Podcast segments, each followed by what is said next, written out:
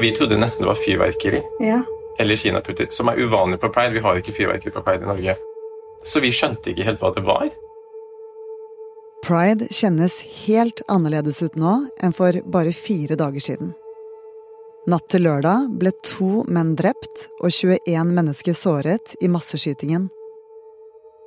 Årets prideparade i Oslo, som skulle være en feiring av kjærlighet og skeives rettigheter, og som var ventet å bli tidenes største, ble avlyst.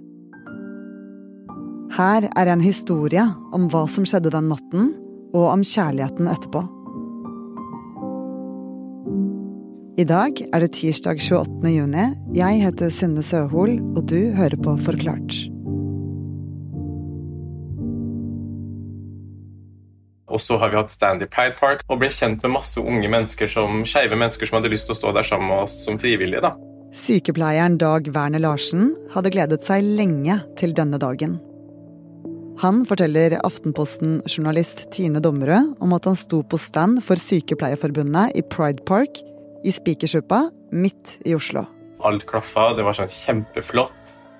Rundt ham skåler folk i øl fra plastglass, og på en høy sokkel står statuen av Henrik Wergeland og ser utover de som danser foran scenen.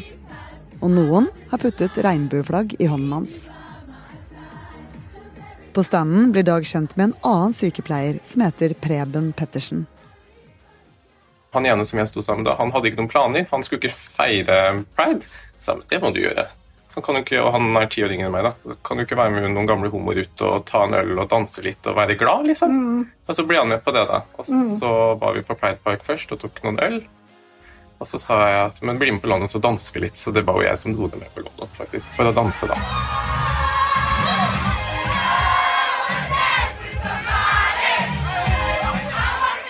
Det var mye som skulle feires på årets pride. Koronaen hadde satt en stopper for feiringen både i fjor og i forfjor. Og i år er det 50 år siden sex mellom menn ble avkriminalisert i Norge. Etter en lang dag i varmen stikker Dag og den nye vennen sammen til London pub, en gammel bar for skeive. Og når de kommer dit, er det stappfullt. Når det er pride, så møter du 100 du kjenner.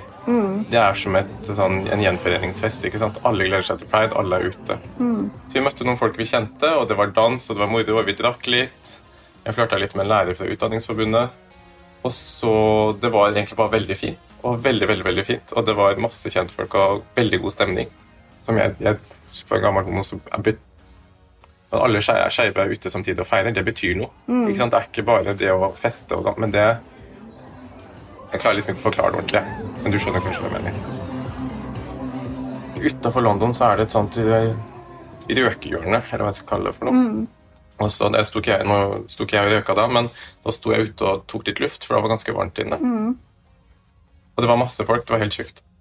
Og så, Det var så tjukt at folk hadde begynt å gå på nabobaren, barene, selv om ikke de er skeive barer. Fordi at det var ikke plass til flere skeive igjen på de skeive barene. Mens Dag står i døråpningen i sommernatten, hører han en uventet lyd. En lyd som han aldri har hørt under en pridefeiring i Norge. Så vi skjønte ikke helt hva det var.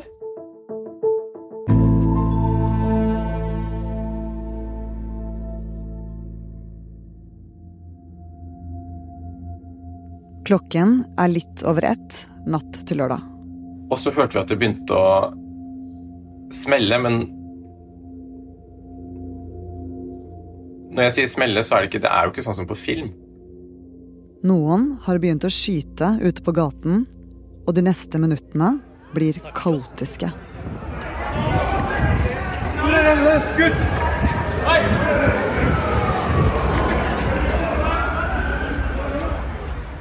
Dag står fortsatt i døråpningen til London.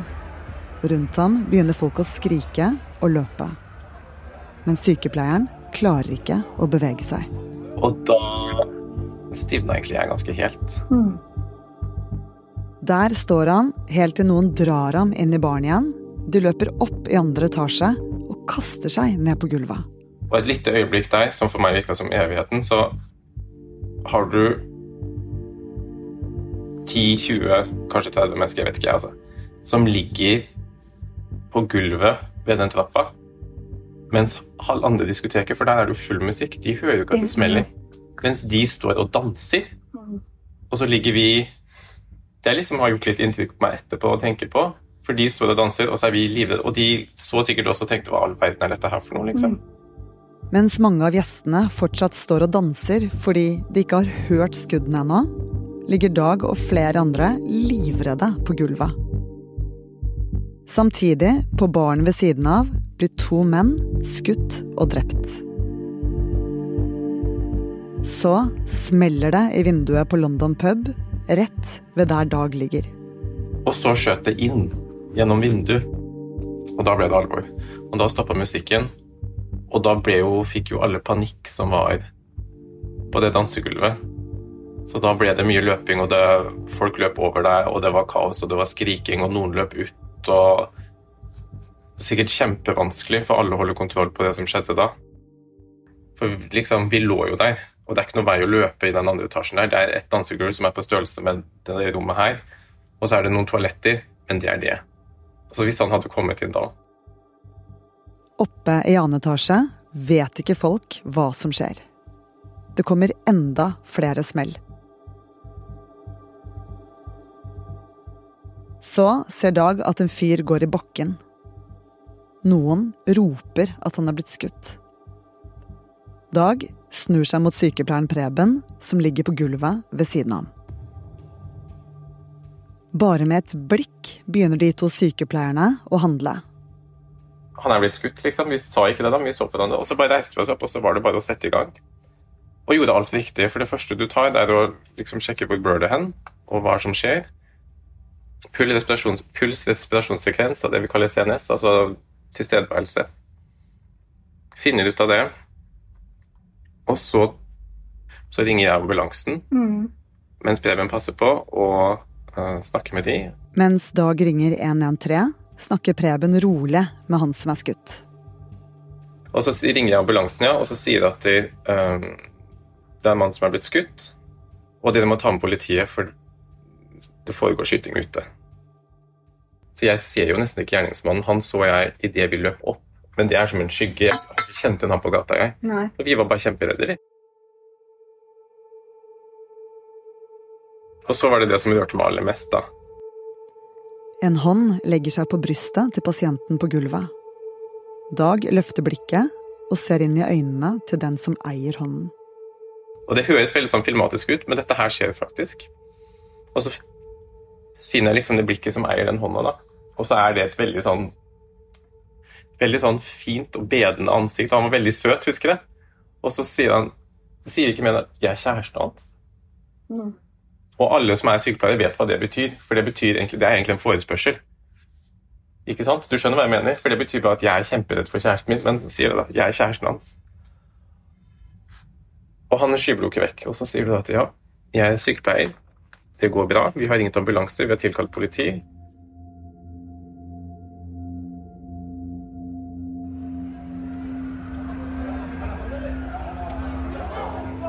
19 minutter over ett natt til lørdag blir gjerningsmannen pågrepet og lagt i bakken, delvis av politiet og av sivile som er der. Uh, ifølge innsatsleder på stedet så bisto, uh, så bisto enkelte sivile politiet med å få kontroll på mistenkte. Uh, det var flere sivile i området som bidro med, med livreddende innsats overfor de skadde, og gjorde en veldig bra innsats. Ambulansen kommer, og de to sykepleierne trekker seg tilbake og blir etter hvert ført til Thon hotell, hvor et kriseteam tar dem imot. Jeg kom meg hjem. Det var godt å komme bort fra Oslo. Bare være borte fra alt sammen.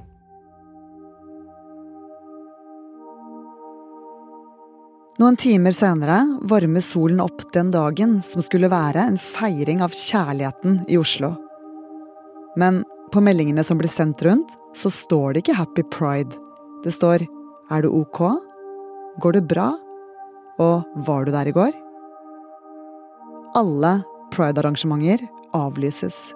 Pride-paraden skulle egentlig starte klokka 13 i dag, men etter oppmoding fra politiet har Oslo Pride bestemt seg for å avlyse alle arrangement. Og politiet sier de etterforsker masseskytingen som terror.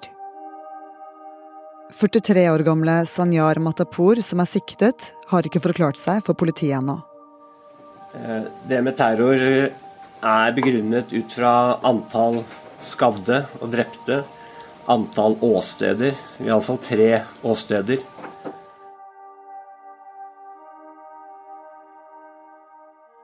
Men lørdag formiddag så skjer det noe. På Grønland i Oslo begynner folk å strømme til. Et tog tar form, uten trailere med store anlegg, men med flere tusen folk, glitter og regnbueflagg. Og slagord som 'Kampen fortsetter' bølger seg fremover i toget. Kampen fortsetter! Kampen fortsetter! Kampen fortsetter! Kampen fortsetter! Kampen fortsetter! Kampen Toget ender med blomsternedleggelse utenfor pubene der masseskytingen skjedde for bare noen timer siden. Og en av dem som møtte opp, var Dag Werner Larsen. Vi gikk bort og så på markeringa. Da gråt jeg jo veldig. For å se alle, alt det motsvaret, da. Som på en måte er godt å se. Vi som var der, vi fire sammen, vi har reagert veldig forskjellig. Noen gråter fordi det kunne vært dem. Noen gråter fordi de er redde og ikke kommer forbi det. Men vi er veldig forskjellige på det. Eh, men det som beveger meg aller mest, det er hva betyr det her? Hva betyr det for oss som minoritet? For først jeg har aldri opplevd at det er viktig å være homo enn det nå. Og du, du må huske på at jeg er en, en relativt gammel homo også. For 20 år siden, 25 år siden, så var det ikke sånn når jeg ble mobbet for at var homo på barneskolen, så var det ikke noen som tok tak i det. Det gjør de nå. For det gjør vi ikke lenger. Det er ikke lov, ikke sant? Men hva betyr dette her, da? Betyr det at vi nå må være redde? Eller betyr det at samfunnet nå våkner opp og tar oss mer på alvor?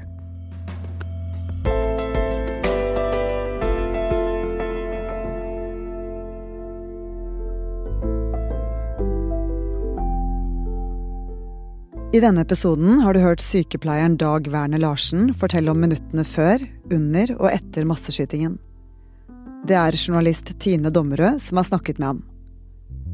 Preben Pettersen vet at han også er omtalt. Denne episoden er laget av Anne Lindholm, Fride Næss Nonstad og meg, Synne Søhol.